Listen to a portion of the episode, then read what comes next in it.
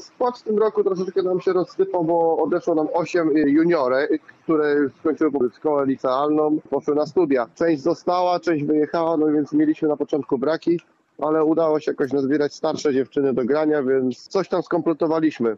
Skupiamy się na pierwszym meczu, trenujemy trzy razy w tygodniu. Mecz został przełożony przez to, że musieliśmy zmienić na jeden mecz stale, więc gramy 23 października w niedzielę. Jeśli chodzi o przeciwnika, zespół bardzo groźny i chyba jeden z liderów no, tej ligi w, w tym roku. Cel jest taki, ja zawsze taki cel dziewczynom powtarzam, że tylko chodzi o granie dobrze w siatkówkę, żeby zdobywać ten jeden punkt, każdy jeden punkt, a jak będziemy grali dobrze w siatkówkę, to to będziemy wygrywać